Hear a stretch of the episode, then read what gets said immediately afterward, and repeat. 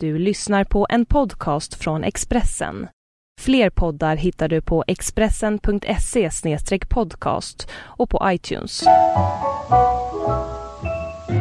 Ja,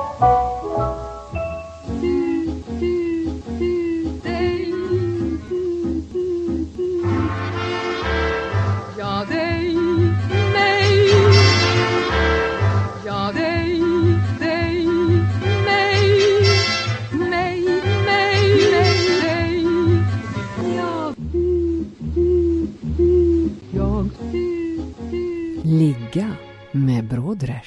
Hej och välkomna till den här podcasten som eh, jag gör som heter Gunilla Brodrej som jobbar på Expressen. Och eh, ja, vi har läckt oss här, jag och Maja Åse som är kulturjournalist och eh, för detta chefredaktör, ska vi säga, nuvarande chef på Iris Media. Ja, vi ska, det blir lite långrandigt, vi kommer in på vad du gör så småningom. Välkommen Maja. Tack så mycket. Eh, Hur känns det? Liksom, ligger du bra? Ja, ja, jag ligger bra. Jag har en kudde under fötterna och sen Ja. så är det väldigt sådana prassliga, dyra lakan. Så det är, det är lite härligt att kunna ge ljud ifrån sig. Det är lite varmt här inne bara. Men, men eh, Ja. Jag tycker det är skönt. Det är lyxigt. det är lyxigt. Det här är eh, ett hotell som heter Hotell Skeppsholmen som ligger precis just där. Och eh, vad tycker du? Tycker du om hotellrum? Eller vad, är... Jag gillar, jag gillar, eftersom jag älskar att resa. Jag tycker att det är det, är det bästa. Det bästa av allt är att resa. Så då är det också roligt att vara i någon annans hem. Så känns det ju när jag är på hotellrum. Inte sådär att här, här är det ingen som hör hemma. Utan jag tänker att det är någon, då någon annans hem. Att, att jag är Ja. att jag är gäst. Och, så jag, jag brukar... Jag hör ju berättelser om att människor som har bajsat i badkaret bara för att det inte är deras eget hem så man kan ta ut svängarna. Ja. Eller kastar ut tv-apparaten sådär rockstjärnor. Men jag brukar snarare vara väldigt noggrann och städa och hålla ordning för att... Det är ju plötsligt möjligt. Alltså, det, Ja, det är så ja. lite grejer. Det Ja. är underbart. Det går ju att hålla ordning för första gången. Det är inte massa auktionsfynd. Utan det är en mer neutral miljö och det passar mig. Det går att hålla ordning. Jag måste bara fråga.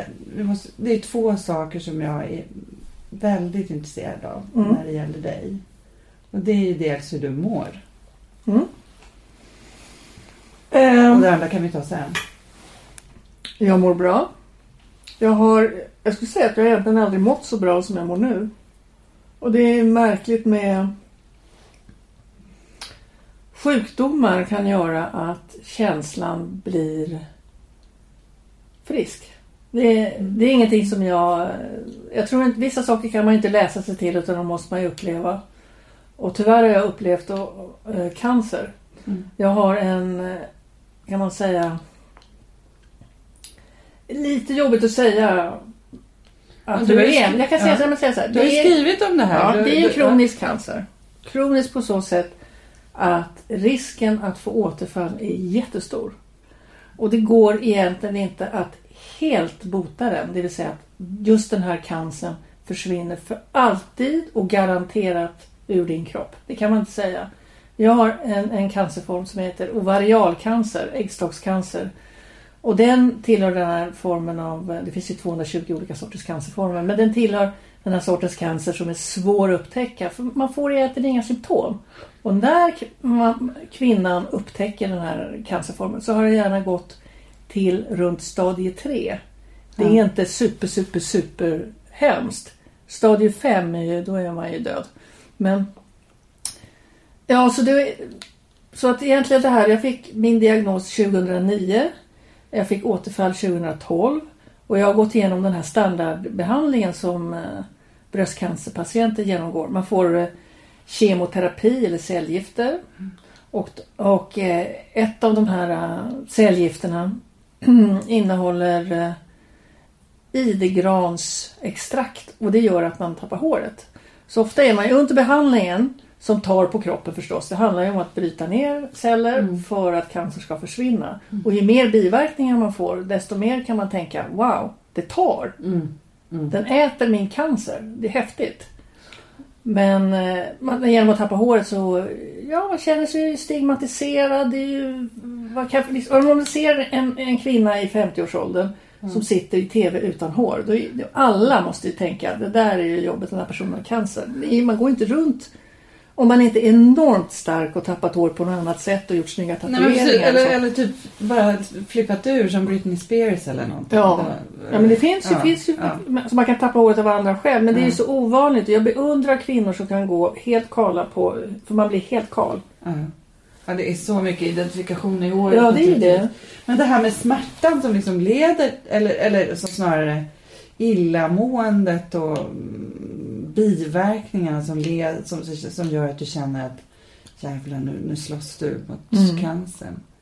Det kanske är en, en väl blommig eh, jämförelse men det är som kryssningsverkar liksom. Eller att man, Ja, man kryssningsverkar är ju jättehäftiga. För kryssningsverkar är ju någonting väldigt positivt.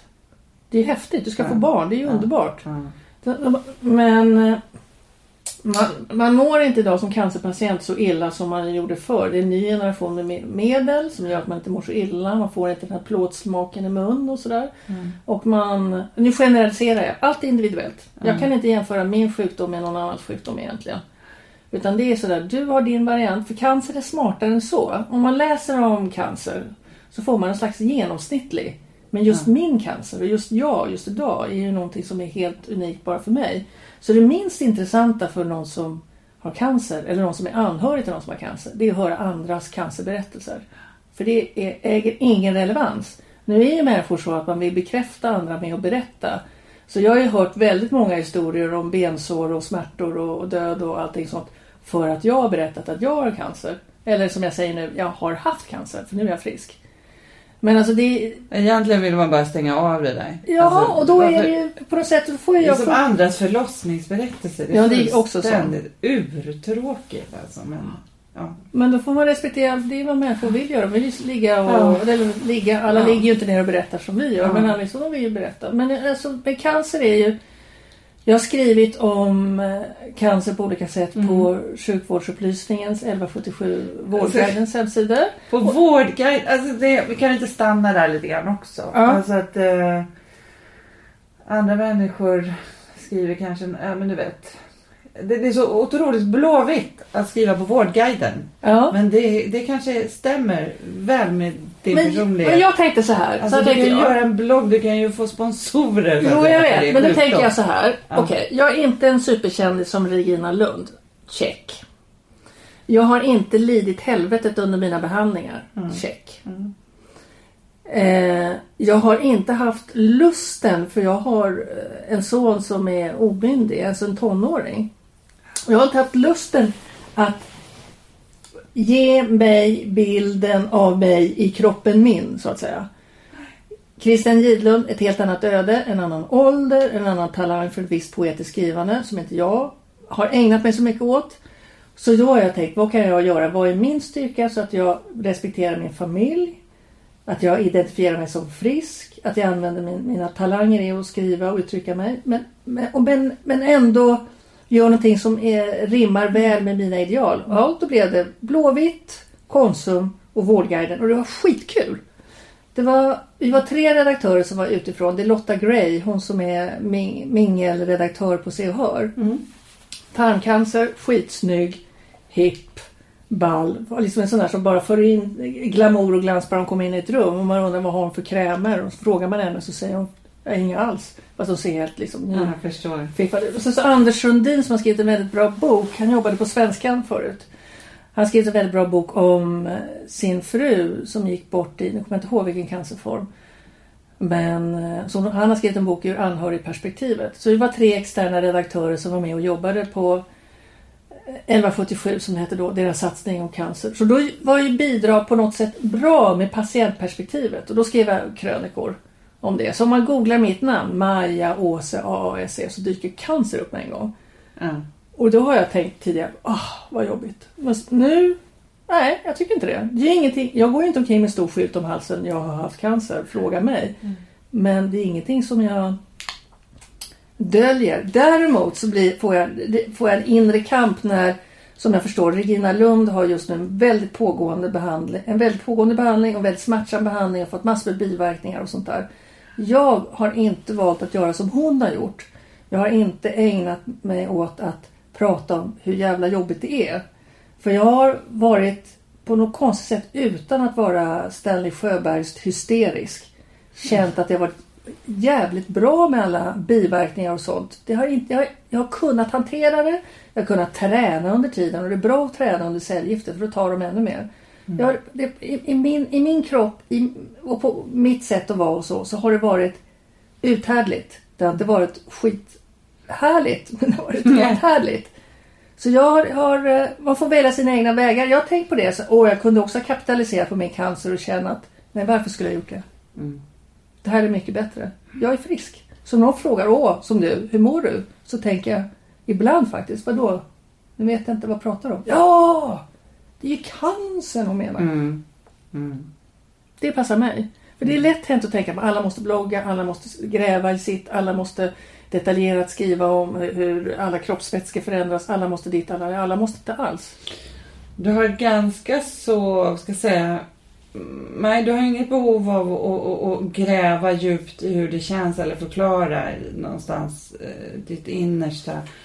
Utan du har, de, de krönikorna du har skrivit på Vårdguiden de är ju ganska, alltså, ganska pragmatiska. Alltså, det handlar om liksom, vad jobbet, hur, cancer och ekonomi till exempel, eller cancer, hur man blir bemött. Alltså, det, är, det är inte så mycket... Det är, ingen, det är ingen känslostorm som väller emot en om man säger så.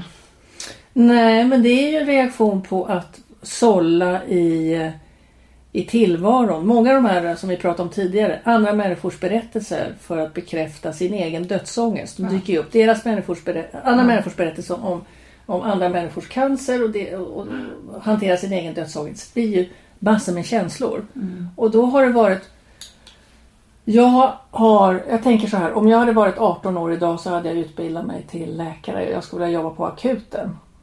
Det, är mitt, det skulle vara mitt drömjobb. Och då har jag på det här, det kommer in en patient, det är ju fullständigt idealiserad bild som inte har någonting med verkligheten att göra. Men det rullar in en patient och så ska man på tre sekunder ställa diagnos. Det är klart att det inte är så.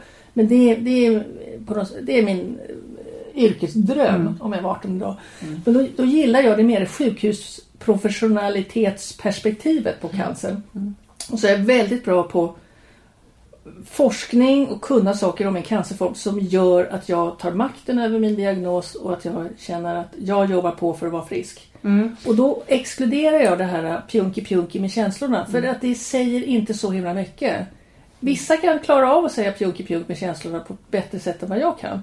Men det, och sen passar inte det själva det här konsumperspektivet, vårdguiden, att man säger att det är jobbigt. Men däremot du- du- måste jag säga, ja. däremot så går jag till en terapeut där jag också ligger ner, Mm. som vi är nu. Där man inte se- ser honom i ansiktet utan sitter bakom alla klassiska analysscheman för att hantera dödsångest. För jag känner ju, det jag känner när jag känner är ju, det är så jävla jobbigt att få en, eh, en diagnos. För jag kan inte, det kan ju ingen, men jag kan verkligen inte bestämma hur länge jag ska leva. Jag kan inte, jag kan ju bestämma att jag ska vara så frisk och träna och äta nyttigt. Och, Men det är ju en, cancer är ju en grej som, det är därför man använder det så mycket i olika liknelser. Det är en cancer i samhällskroppen och det och sådär. Jag kan ju inte egentligen reda ut den här frågan. Antar att man har en förväntning på att den som drabbats av cancer kommer att prata om känslor och, och rädsla och ångest. Därför att det är det, den omedelbara känslan man får själv. Det är det man drabbas av. Alltså Man, det, man tänker ju på sig själv egentligen. Eller hur? När man hör någon. Ja. Det Jag berättade vara- när jag fick kunde vara- återfall så ja. berättade jag på jobbet på Iris Media. Och eh, då hade, jag hade ju förberett mig. Mm. För jag tänkte på hur ska jag berätta det här? Och jag tänkte så här, det är inte bra att få återfall. Mm. Att få cancer första gången det är en sak. Men har du tur så får du inte cancer tillba- kommer inte cancer tillbaka. Men får du återfall då är, det, då är du där. Då är du fast i cancerträsket på ett annat sätt. Jag hade tur att det dröjde tre år tills jag fick återfall. Men min cancerform är vanligt att man får återfall med en gång och då är, blir inte livet långt. Det säger inte att livet inte behöver bli bra, men det blir inte så långt som man kanske skulle önska. Mm. Men jag hade ju tid att förbereda mig och jag tänkte, det här är ju en filmscen egentligen. Kvinnan i 50-årsålder går in, pratar med personalen, varvid jag är chef för de flesta. Vi kanske är 10-15 stycken i rummet. Nu ska jag berätta att jag har fått cancer. Hur ska jag säga? Alla här vet inte att jag har haft cancer tidigare. Alla vet inte vad återfall, vad det betyder. Betyder det återfall död eller återfall ny behandling och bli frisk och så? Mm. Hur detaljerat ska jag vara? Och hur, accepter, hur, ska, hur eh, mycket ska jag acceptera deras frågor? Jag är inte, har inte så lust att intimisera så in i helvete på jobbet. Det var en som började gråta. Och då tänkte jag, det där är ju en fantastiskt bra reaktion. Det är Ut med känslorna. Och varför han, han börjar gråta, det vet jag inte. Nej. Och varför ska jag... Mm. Ja. Han började gråta för tänkte på sina barn eller vad som helst. Mm. Mm. Men i övrigt så... Ja, jag tyckte att det gick... Jag skyddade mig själv utan att framstå som... För det kan jag förstå, om man, om man, man framstår som kylig om man säger jag är inte så intresserad av känslor. Då, då framstår man som, ja, vad är det för jävla genomstrukturerad tysk kraftverk? Hårding på något sätt. Men det gäller, jag vill ju skydda... Jag har ju dödsångest. Jag är ju förtvivlad också. Men det vill jag, det skyddar jag och pratar med den här terapeuten som jag tycker är väldigt bra. Och jag vill inte, varför ska vi ta in det i rummet när vi sitter och pratar om någonting annat? Jag gjorde ju det där i min chefsroll också. Alltså, men, Ja men precis, ja, men det man väljer ju verkligen vilka saker man vill ta upp överhuvudtaget på en arbetsplats. Eller hur? Du, ja, men alla gör ju inte det. Eh, Nej okej, men Nej, alla gör inte det. Okej, en del Man kan ju är säga allt- väldigt öppna. Men Ja, jag känner själv att jag har ingen lust att berätta alltså, exakt hur dåligt jag mår. Jag kan säga att jag har lite ont i huvudet idag. Men jag vill kanske Ja. inte dela med mig med hela, hela bilden, vad det beror på. Eller man, hur- sliten man känner sig och bla bla bla. Därför att sjukdom är en svaghet och allt det där. Man kanske inte blottar sig. Nej men det tycker jag är helt. Det tycker jag är jättebra. Varför ska du blotta dig och var, vad ska... Jag tänker ofta på det. leda till? Ja. Ja, och sen också det här. Om du kommer in på jobbet så säger du jag i huvudet därför Mm. att och så kommer det här och, och våldtäkt och slagsmål eller att det kanske, ja någonting vad det nu kan vara. Ja. Så får ju jag som mottagare en stor jävla soppåse av Ja. dig som jag ska sitta i mitt knä. Ja. Nu menar jag om du skulle blivit våldtagen och slagsmål och så här, det är klart du måste berätta. Jo, menar, jo, jo. Det var ett dumt exempel men någonting annat. Alltså det, det är så här, vad ska jag göra med det här? Och det är jättesvårt för omgivningen. Då blir man på något sätt, oj nu måste jag reagera på något. Ja men, uh, nej det är svårt. Nej. Hellre, hellre då framstå som lite, lite kall.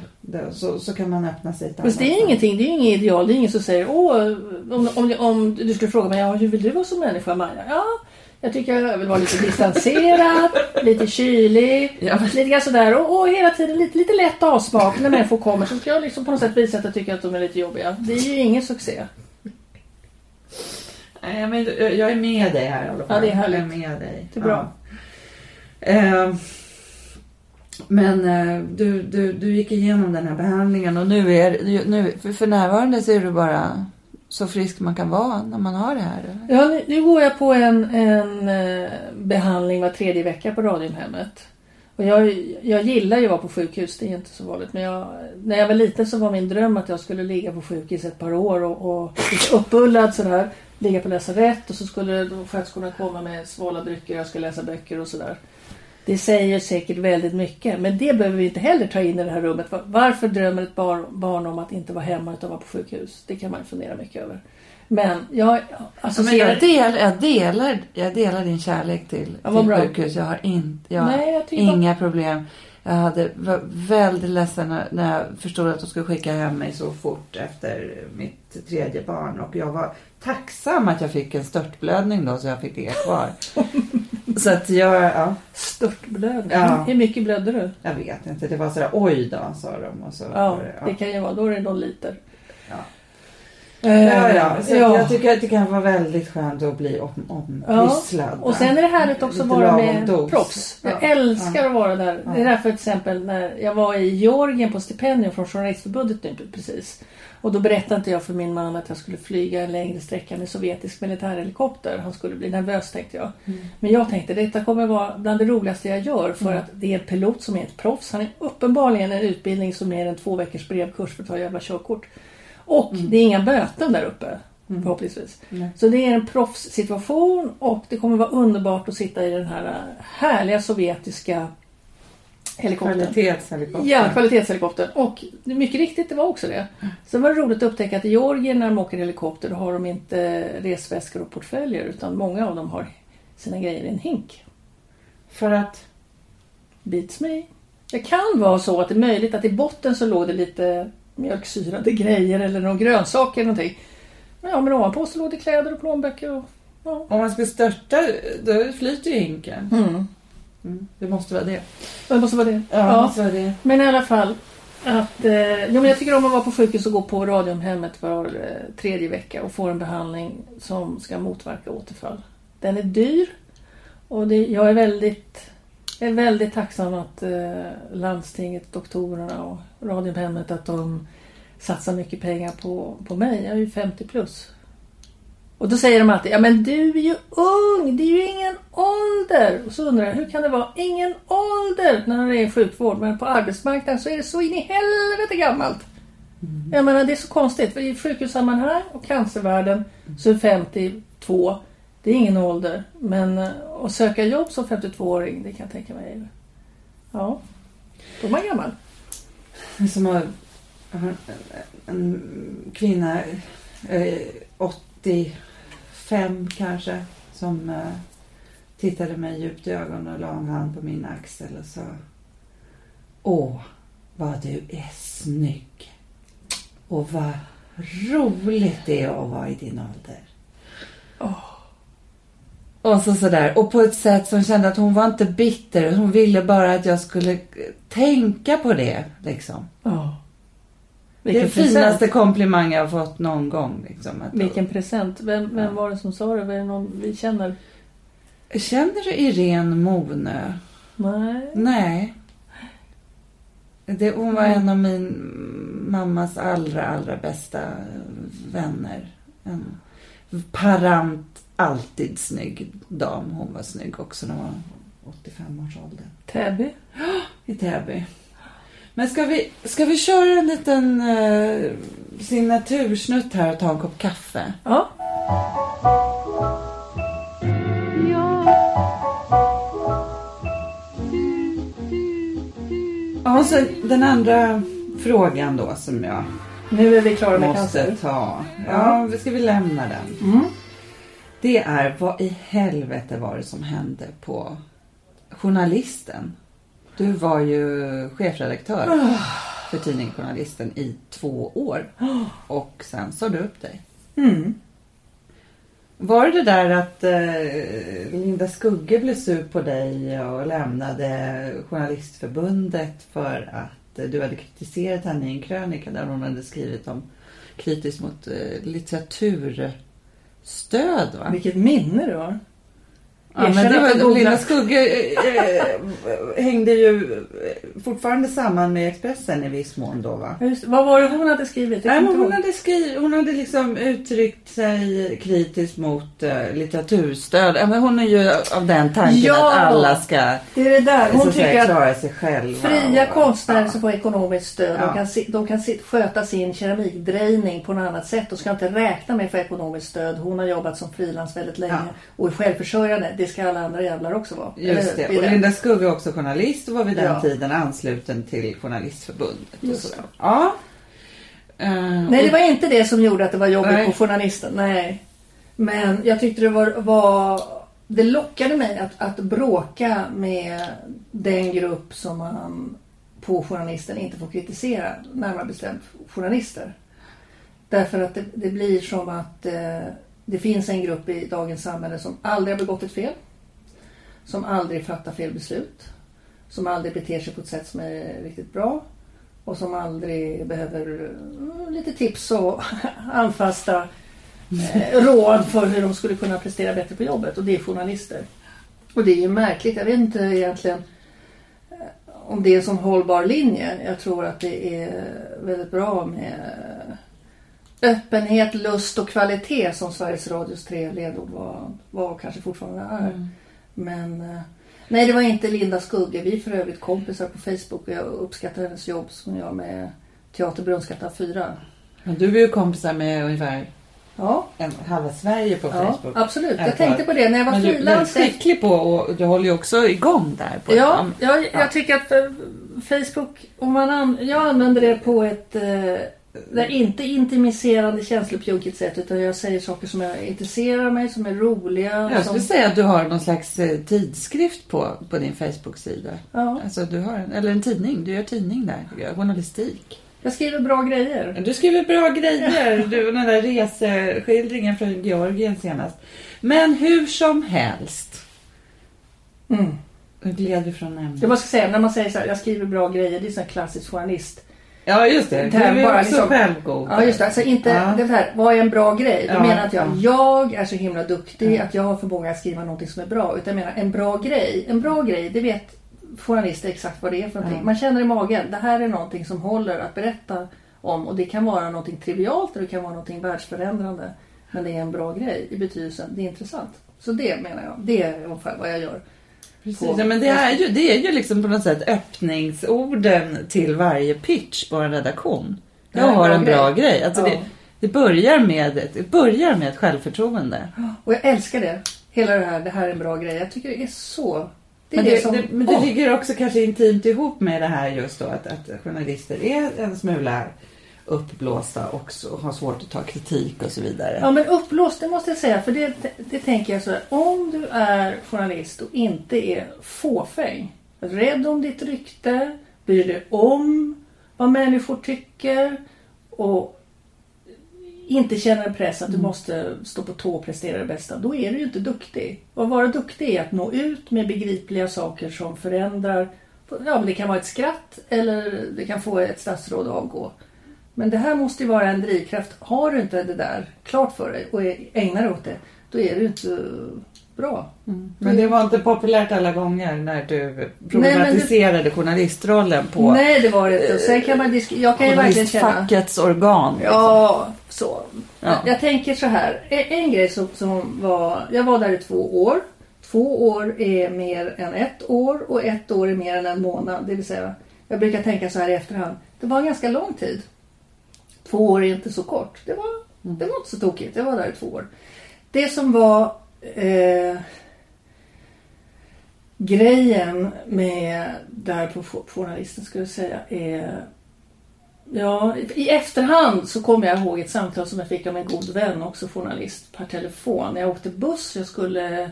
Det var precis klart att jag skulle ta jobbet som chefredaktör på fackförbundets tidning Journalisten. Det var hösten 2005. Då får jag ett telefonsamtal från en, en kompis som har jobbat jättelänge som journalist och jobbat överallt och sådär. Och hon bara skrek. Jag satt på bussen och hon bara skriker. Hon skriker. Vad gör du med ditt liv? Vad gör du med ditt liv? Och jag blir skitsur. Vad, vad, vad, vad tar du dig för rätt att hålla på och ringa och skrika i örat på folk? Vad, vad har du med det att göra egentligen? Vad jag gör med mitt liv? Vad menar du? Och sen hade vi lite ett samtal. Jag menar, hon var uppjagad och jag var väl kanske inte så himla intresserad av att lyssna. Det var ju det var inte, jag har precis tackat ja och så är det Mm. någon som ropar vad gör du med ditt liv? Mm. Men det där kommer jag ihåg när jag, när jag skrev på det här framförhandlade överenskommelsen om att jag skulle sluta alla detaljer just i det där. Då satt, när jag satt och skrev på det, då tänkte jag på det här. Ja jäklar. Visst ringde hon och skrek vad gör du med ditt liv? Mm. Och det var ju precis det. För första dagen, 9 januari 2006. Första dagen, klockan 9 kommer jag in på redaktionen. Är på redaktionen, sen blir det lunch, kommer tillbaks från lunch. Sätter mig ner igen på stolen. Så är det bara ett hugg i magen. Det är helt fel. Det här är helt fel. Och då hade du dessutom sagt upp dig från ett drömjobb som chef för kulturredaktionen på Sveriges Radio. Eller chef för eh, Kulturnytt, för alltså Ja, nyhetsdelen. Kultur. Ja, det finns så mycket chefer på radio så det, Ja, det, det- blir alltid fel. Det är det enda som... Jag träffar idag så jag fort man någon- försöker Ja, att bestä- berätta vad någon människa Nej. gör i en chefsroll så blir det ju fel.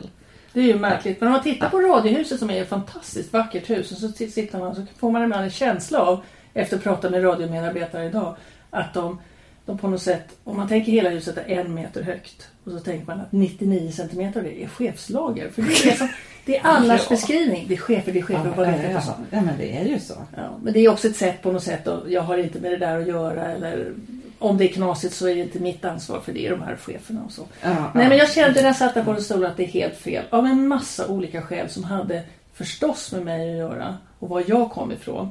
Jag kom från en kultur på en redaktion som var väldigt demokratisk.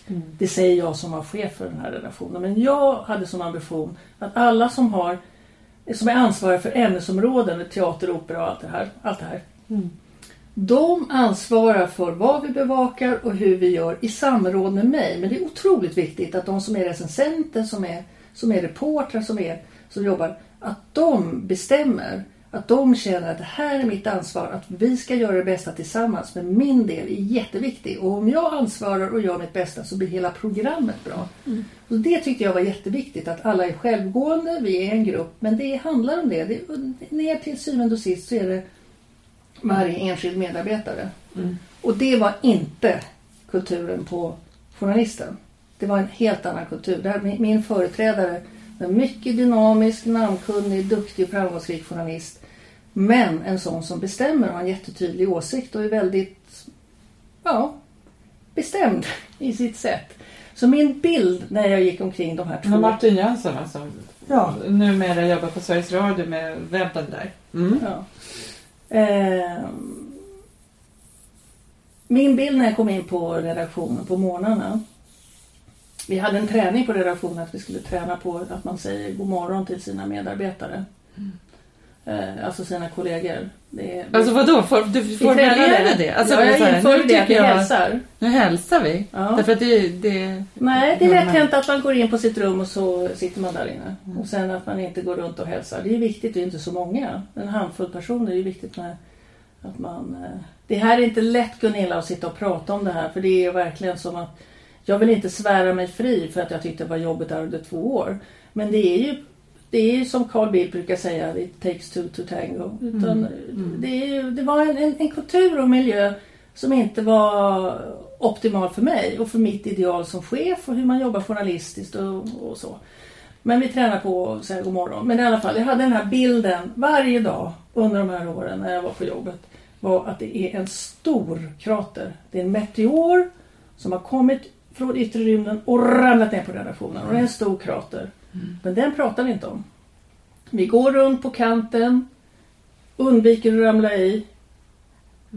Och det är helt tyst och det är väldigt stelt. Och just det här som man brukar prata om, elefanten i rummet, då brukar det vara alkoholism på en arbetsplats. Att det är det som alla tänker på men det man inte pratar om. Men den här kratern, att det, det var något som hände, nu är det borta och sen så har jag kommit dit och det jag ska jobba med är en krater. Så, för bara bilden var att det, den kulturen som var på den arbetsplatsen och kanske någonting med hela miljön och sådär som gjorde att min kompis ringde. "Uh, Vad gör du med ditt liv? Som var lite allmänt känt tror jag. Men jag var fåfäng. Jag tyckte det verkade spännande att vara chefredaktör för en tidning av den här sorten.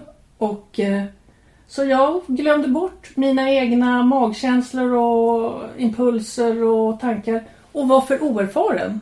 Jag hade inte jobbat tillräckligt länge som chef på tillräckligt många tidningar för att kunna göra en kvalificerad bedömning. Jag menar när jag var där under anställningsarbetet och träffade redaktionen och så, då tänkte jag sådär, ja jäklar vad svårt det var att få igång ett samtal.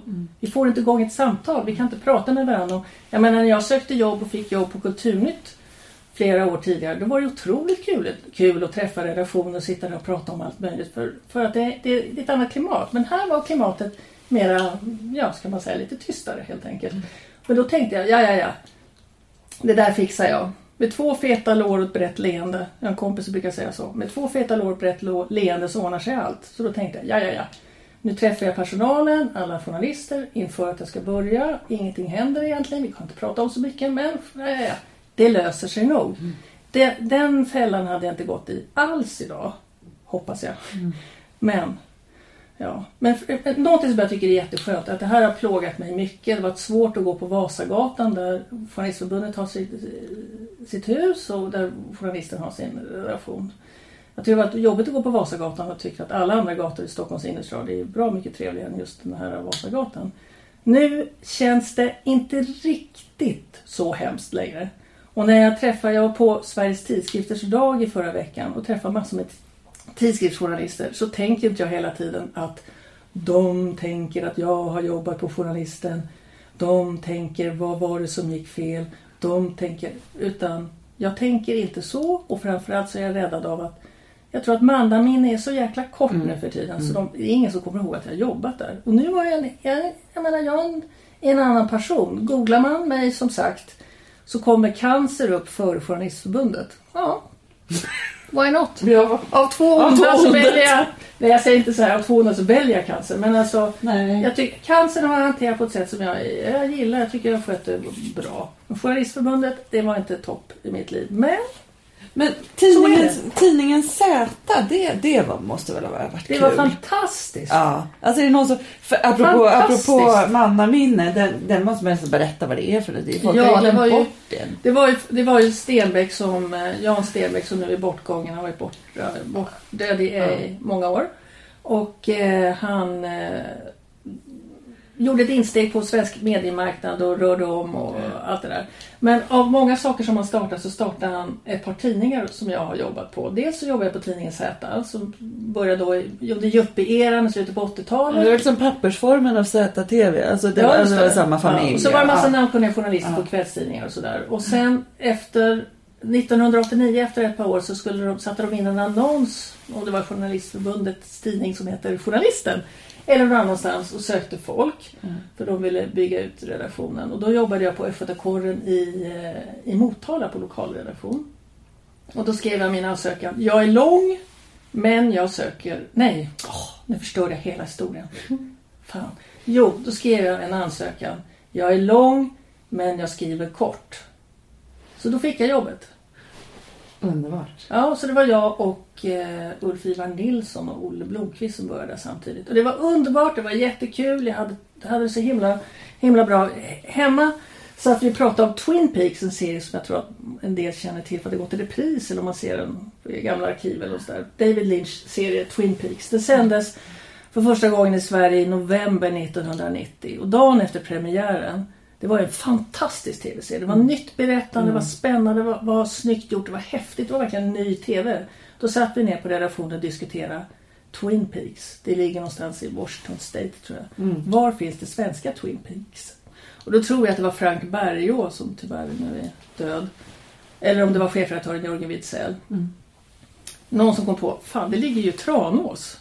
Okej. Maja åker dit och skriver om Tranås som Sveriges Twin Peaks. Gud vilket roligt jobb. Ja, så Ja, otroligt roligt. Bara åka dit och sen så hitta på, jag hitta, Hitta på, grejer, ja. hitta på, men hitta Ja. grejer Ja. som förstärker bilden att här Ja, är ja. mystik, Ja. bakom varje dörr så finns det en, otrolig skräck eller någonting annat, kärlekshistoria och det är skumt och det är mystiskt. Det var underbart. Superbra idé. Det fanns ju också satir i den tidningen. Ja. Alltså, för det, det saknas just nu kan man säga. Om man inte då äh, tänker på Galago och all eh, briljant seriesatir eh, som görs. Men alltså jag minns till exempel en bild av kronprinsessan Victoria eh, naken och gravid. Vad jobbade du då? Ja, Jag kommer inte ihåg. Nej, det, var, det var i Demi Moores kropp. Ja, jo det höll vi på med. Men om det var, vi gjorde väl, visst var det någon annan som klädde ut sig och, hade, och målade kroppen precis som Demi Moore. Hon stod ju med kroppsmålning och höll om sin, sin gravida Ja, ja det kanske det var också men, men jag kommer ihåg det här med... Ett fotomontage. Med prinsessan Victor, ett fotomontage, ja. Mm. Och då var det någon, vad hette han då? Mattias Hansson.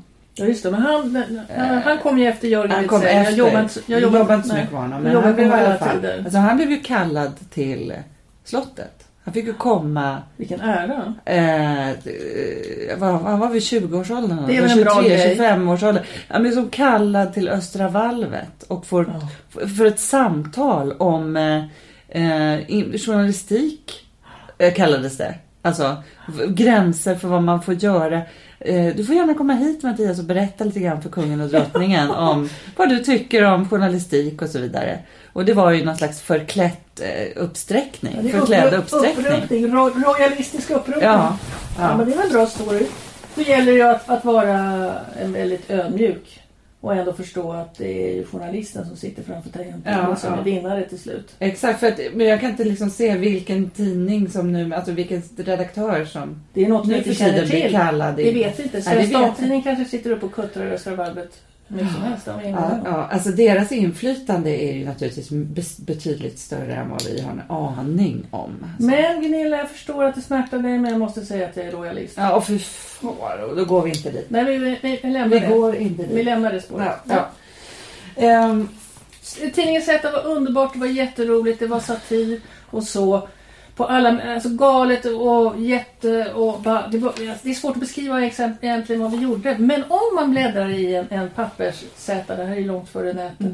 Idag så ser man mycket håller för att det var ett fritt, vågat, eget tänkande. Ungefär beskriver det man beskriver som det är. Beskriver det man snackar om på redaktionerna. Det fanns för mycket mer än det gör idag. Att man snackar på ett sätt och sen skriver man vilket finare. Så, utan vi, vi, tog, vi tog in liksom det här äh, Lite- fikarums, Ja. ölpubs-snacket som Ja. man har. Vi diskuterade till exempel att vi skulle ha telefonnummer som man ringer om man fick reda på vad kvällstidningarnas, eh, vem kvällstidningarna skrev om när de skrev, skrev om TV-profilen. Då skulle vi ha, ja TV-profilen, han heter så så eller sådär. någon slags flashback. Ja, ungefär. Så det var en slags flashback fast med stil. Tycker jag. Men jag tyckte att det var det. Och jag tyckte att det, var, att det funkade väldigt bra och var då var det väl en, ja, jag var enda tjej som var reporter. Det funkar väldigt bra att vara tjej i det där sammanhanget. För att det var, jag känner aldrig att det var att de trampade på mig. Det gick jävligt bra att säga, säga till att det här jävla snusksnacket det får ni sköta på dass och sen sitter vi och pratar riktiga grejer här. Och sen på fredagarna när vi skulle ta ett järn som man då gör i manliga journalistmiljöer och chefredaktör Jörgen Widsell tog av sig skorna och la upp strump, fötterna i strumplästen på ett skrivbord och sa till redaktionen ja nu är det ju fredagsmys och ni är välkomna att slicka på strumporna. Då tyckte jag med att ja så där kan man ju säga. Men killarna tyckte att det var lite plumpt och äckligt och är sådär va. Men eh, jag vet inte, det är någonting. Det var, var enkelt att vara jag i gänget där. Jag lärde mig otroligt mycket just det här att våga gå fram till vem som helst och säga vem som helst. Men baksidan var ju också att idealet, det journalistiska idealet var att när en Z-reporter är ute och går så ska omgivning i vämjelse gå över till andra sidan gatan för att vi rotar i alla soptunnor och skriver allt slafs och sådär. Det är ju inget mysigt. Jag var, jag var li- liksom, jag tycker många gånger så har, när jag var chef på Kulturnytt så blev jag bemött som att jag var en fin och trevlig människa. Men när jag var reporter på Z så var det mer att det var ungefär som jag var på en sextidning. Porr. Slags Just nyhetsporr. Ja. Frågan är vad som är mest liksom, befrämjande för kreativiteten. Men- Vilket rum liksom, man befinner sig i då. Man befinner sig i Ja. Sveriges Radio-rummet eller i det där... eh, på- Ärlighet. För jag tänker Sveriges Radio-rummet är ärligt på många sätt för att man tar det som kallas för finkultur, det tar man på allvar. Finkultur är ju ofta, som Horace Engdahl brukar prata om, att det är en slags subkultur. Det som du är intresserad av, konstmusik och opera, kanske inte opera, det är så folkligt, men konstmusik, modern konstmusik, det är ju det är en subkultur. Men det är på ett ärligt intresse. Jag får vara intresserad av det här för jag tycker om det och jag skäms inte. Det är ju ärligt. Men sen också att man kan ju inte hela tiden säga precis som det är heller. Det gjorde vi ju inte på Z heller. Men jag kan ju inte säga vad jag, menar, alla människor är fyllda av fördomar och missuppfattningar och rasistknäpp och sånt. Det är ju, så jag tycker att, säga som det är. Ja, men jag menar i vilken miljö som det är mest... Både och. Som det är lättast liksom. Det är, ja. Det, Ja, det är klart att i den där Z-miljön så kanske du inte kan snacka om konstmusik. För Nej, det då blir- får man ju- eller- ja, man blir inte, ja, det är ingen då som förstår ropar de jävla Man är bara P1-lyssnare. kuf liksom. Ja, då blir man Ja. kul. Jävla P1-lyssnare Ja. som då. Och då visar det att om man säger jävla P1-lyssnare då visar man att man vet vad P1 är. Och man har lyssnat på P1 så då är man ju P1-lyssnare själv. Ja, precis. Just Så. det. Man orkar inte riktigt stå Nej. för det. Men det var kul, det var kul eh, jobbansökan. Jag trodde det skulle... det- Det hade ju varit bra eh, på, på tidningen Journalisten med ett antal eh, sådana, alltså så här söker du jobb. Den typen av En sån artikel. tips. Ja, just Ja. det. Men jag vet inte om det är förenligt med de fackliga grundvärderingarna. Nej, det är allt för sällan. Det är ju mer väldigt glorifierande intervjuer med olika journalister. Hur som helst. Eh, apropå den annonsen. Här ligger vi och fyller ut sängen från topp till tå med våra Ja, härliga längder. Vem är längst av oss två? Ja, du brukar ju säga att du är det, men jag är inte säker på det. Jag är 1,85. Ja, jag är 1,83. Ja, okej. Du ser. Ja. Hur har du det med längden nu för tiden? Ja. Jag tänker ibland när jag kommer in i ett rum att jag måste motverka intrycket som en lång kvinna ger genom att vara bara att komma in så är lång och folk är kortare. Att det blir det där med längden, att det påverkar. Folk kan känna sig underlägsna och sådär. Jag, jag har, men jag har ärvt någonting av min pappa. Min pappa dog för, för några år sedan. Han, han föddes i Stavanger och kom till Sverige efter kriget. Det var ju valbiff och fattigt i Norge efter kriget. Så han kom och började plugga till ingenjör i Stockholm. Men, men han hade någonting som, som jag associerar med Stavanger, men, där han kom ifrån. Men det är jag den enda som gör. Men han gick omkring och ständigt log. Mm. Och jag tror att det har med med någon muskelgrej i överläppen sådär som man gör att man drar upp den. Men han, han log alltid. Han såg alltid sådär, åh vad kul. Och jag gör också det. Det är inte medvetet. Jag undrar varför folk ler så mycket ute på stan. Så, ah, just det, jag går omkring och ler. Och det kanske har också någonting att göra med det här att motverka längden. Men du som, har du fyllt 50? Ja. Ja, 50 och lång är ju ingenting jämfört med att vara 10 och lång eller 13 eller 15 och lång. Nej. Så det är ju nu längden, helt okej. Det är bra. Jag såg Eva Bäckman på tunnelbanan i morse och då tänkte jag, hon är ju lång. Hon är ju lång. Vi, ju- vi är lite spensligare. Hon är ju mera amazon. Ja, hon är ju lång. Så långt Ja. blont hår. Hon Ja. är ju lång. Hon berättade ju för mig, jag gjorde en, skrev en artikel om hur, som du kommer ihåg, du Ja, kanske ja. kommer ihåg ändå, men Ja. ingen annan. Jag det- absolut hur, hur är det. det, Det var du i helbild tror jag. För Precis, få en känsla det, det var en hel bild på mig på längden i tidningen. Alltså Ja. Det var typ som ett utvik fast ja, påklätt så att säga. Eh, och då sa hon, eh, hon pratade bland annat om det plågsamma med att mingla. Mm. Att man liksom gärna trycker sig ut mot hörnen. Liksom, eh, att ställer sig ut med väggarna. Eh, och eh, det, jag, jag kan tycka att det är mindre plågsamt nu. Jag bryr mig inte om. Alltså, På riktigt? det. Ja, jag bryr mig inte om det längre. Ja, verkligen inte. Men jag tycker rent praktiskt att det är besvärligt. Därför att jag, ja tyvärr, jag tror jag hör lite sämre. Alltså man hör ju lite sämre hela tiden, hörseln. Mm. Du menar att ljudvågorna går va? vid, marknivå? Ja men så det är ju lättare att befinna sig på exakt på, på Ja. samma, så att jag hör vad folk säger liksom. Jag måste ju så att säga, ja du vet. Sen är det jobbigt. Statistiskt sett lever ju långa människor kortare liv än korta. Korta människor lever långa liv och långa människor lever korta liv. Och varför? Jag tänkte Ja, det, det har att gör göra med att vi slår i huvudet så himla mycket så det dör hjärncellerna. Men det kanske är någonting annat. Det Jag är fler källor som det kan bli, gå på tok med kanske. Ja, jag vet. Hade jag, hade jag levt på, på, på medeltiden hade jag varit död för länge sedan. Det, det, Ja, inte minst för att du har glasögon liksom jag. Då man såg ju ingenting. Nej, precis. Nej. Nej. Ja, ja, men eh, du har ju en, du har en son som är, som är lång. Och Det är Ja, inte- det är ju- 1,80 snart ja. Han Ja, är just stolt över det. Och så har han, 40, han har sen, 14 år och har 46 i gympaskor. Det tycker han är kul. Han tycker det är kul. Jag har 43 i skor. Jag tycker inte det är kul. Nej. Du har alltid haft så små fötter. Du har Nej, 40, 41. Precis, jag har ju bara 41. Det är ingenting. Nej, det är väldigt små. Då är man ju väldigt små fötter. Ja, normala. Ibland har jag ju 42, det är fortfarande pyttesmå Men, ja, fötter. men alltså 40-41 vet du, det är ju... Det är, Nej men 40 har jag aldrig kunnat ha. Men Nej, 41. min syrra hade ju 40. Min stora syster hade Ja. 40. Och jag fick ju ärva hennes grejer. Oj. Det var ju, det tog ju, och, och, och, jag hade en annan stora syster som aldrig har fått större fötter än 38. Yes. Men sen så Karin som hade i princip lika stora fötter, hennes skor förväntades jag kunna ha. Det tog, de fattade inte riktigt att jag då som var yngre kunde ha större fötter. Nej. Och jag tyckte det var så pinsamt att, att prata om det. Så att, eh, Ja, alltså du jag gick omkring lite. i lite små föt- skor. Det var, ja. Fast du har ganska rak, du har ju rakat hår. Nej, de är lite, titta här, de är liksom lite, ser du? Det är som en, som en sån här äh, led, vad jag kallar det för? Ledknöl där alltså. Ledknölar, Det ja. lite Ja. hammartå. Mm. Ja. Men, eh, nej som sagt, det, det, jag tycker att det är rätt. Jag tänker är sådär att eh, längden, kroppen, cancern, jobben, kärleken, alltihop. Att över 50 så tänk, jag tänker sådär, jag är så glad att jag får, får vara med. Och nu låter jag också sådär, äh, du vet sådär pigg och härlig. Men, äh, men jag är det. Jag är glad att jag har fått vara med så här länge. Så jag tänker då är jag bara, jag är otroligt... Jag tänker ofta på den här termen kroppsarbete, det är någonting som jag funderar över. att vi pratade om förr i tiden när vi kroppsarbetade. Och det är ju då har man en bild av att hela mänskligheten gick omkring i gruvan eller jobbade med väldigt tunga saker. Och så var det väl till viss del att vi rörde på oss mer och så. Men vi jobbar ju fortfarande med kroppen. Vi jobbar med kroppen och enormt mycket. Vi jobbar för att kroppen ska finnas i gott skick jättelänge. Det är en form av kroppsarbete, att hålla kroppen i trim.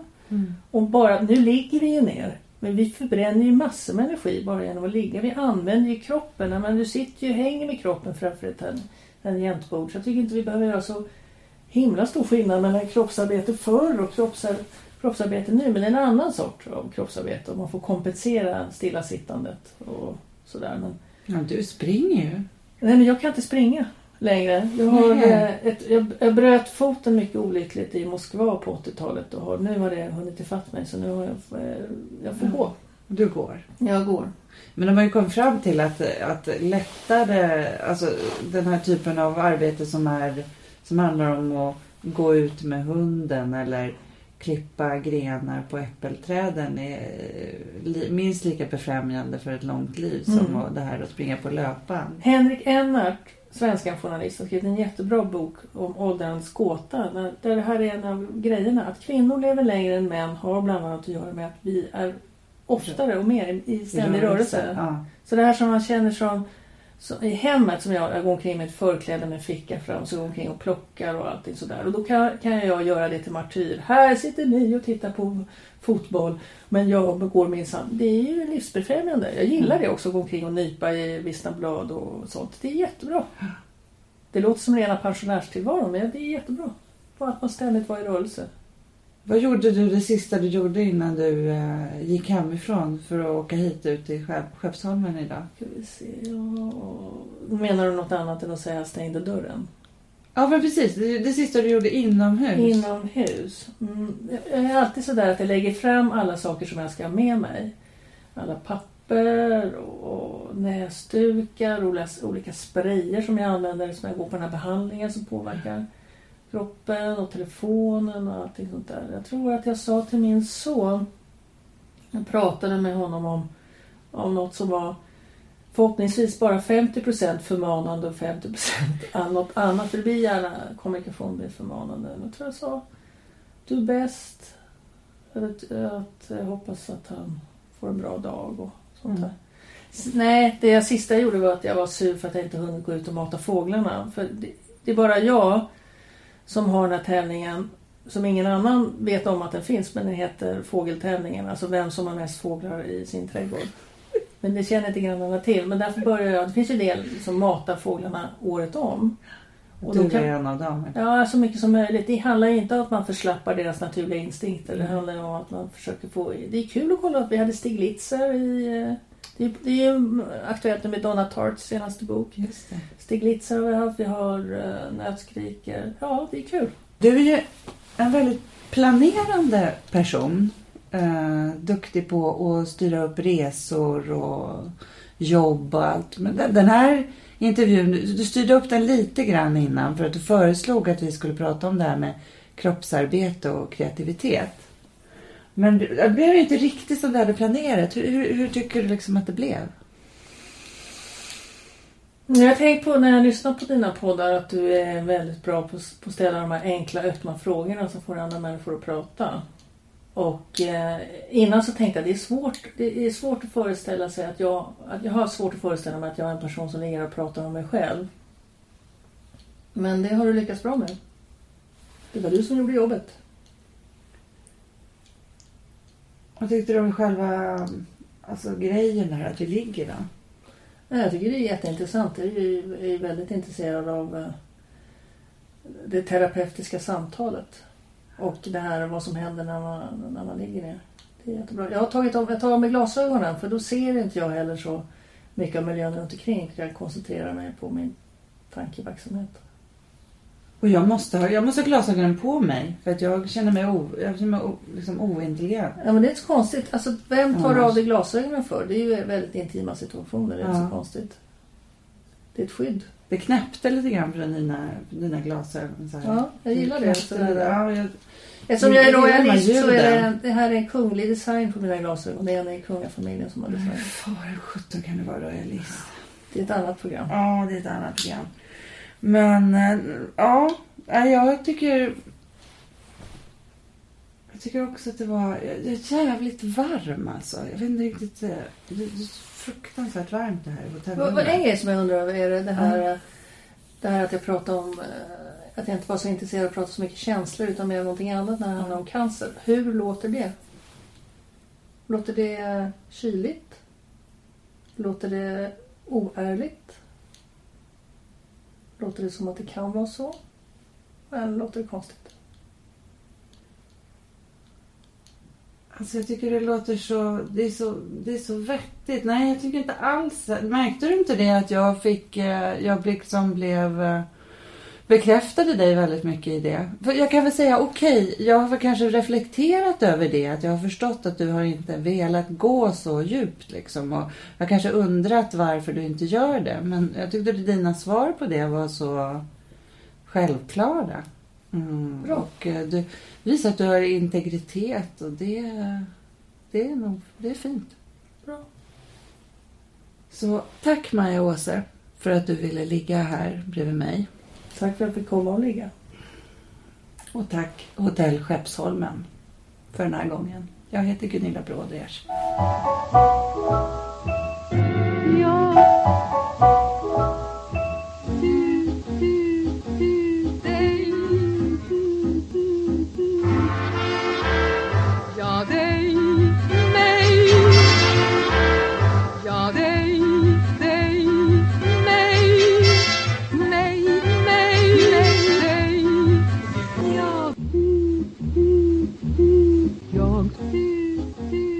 Ligga med Brodrej. Du har lyssnat på en podcast från Expressen. Ansvarig utgivare är Thomas Mattsson. Fler poddar hittar du på expressen.se podcast och på iTunes.